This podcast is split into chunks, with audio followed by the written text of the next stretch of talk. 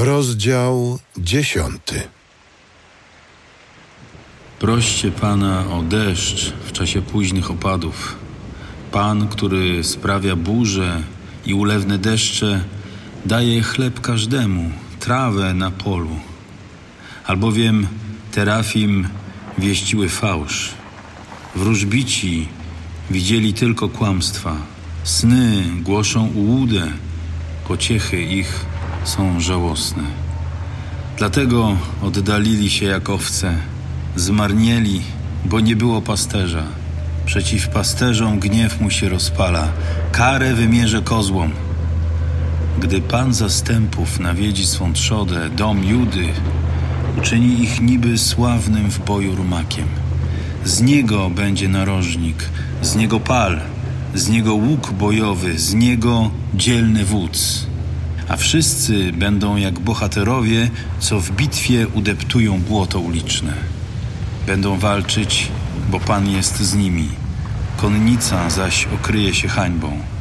Umocnię dom Judy, a dom Józefa wybawię. Sprowadzę ich z powrotem, bo miłosierdzie im okazałem.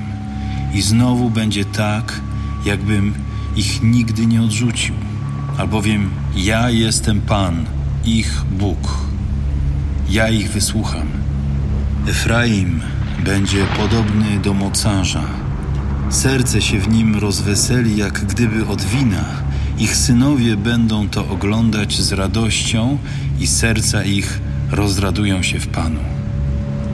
Gwizdem przywołam ich i zgromadzę, bo ich wykupiłem i tak jak dawniej będą znowu liczni.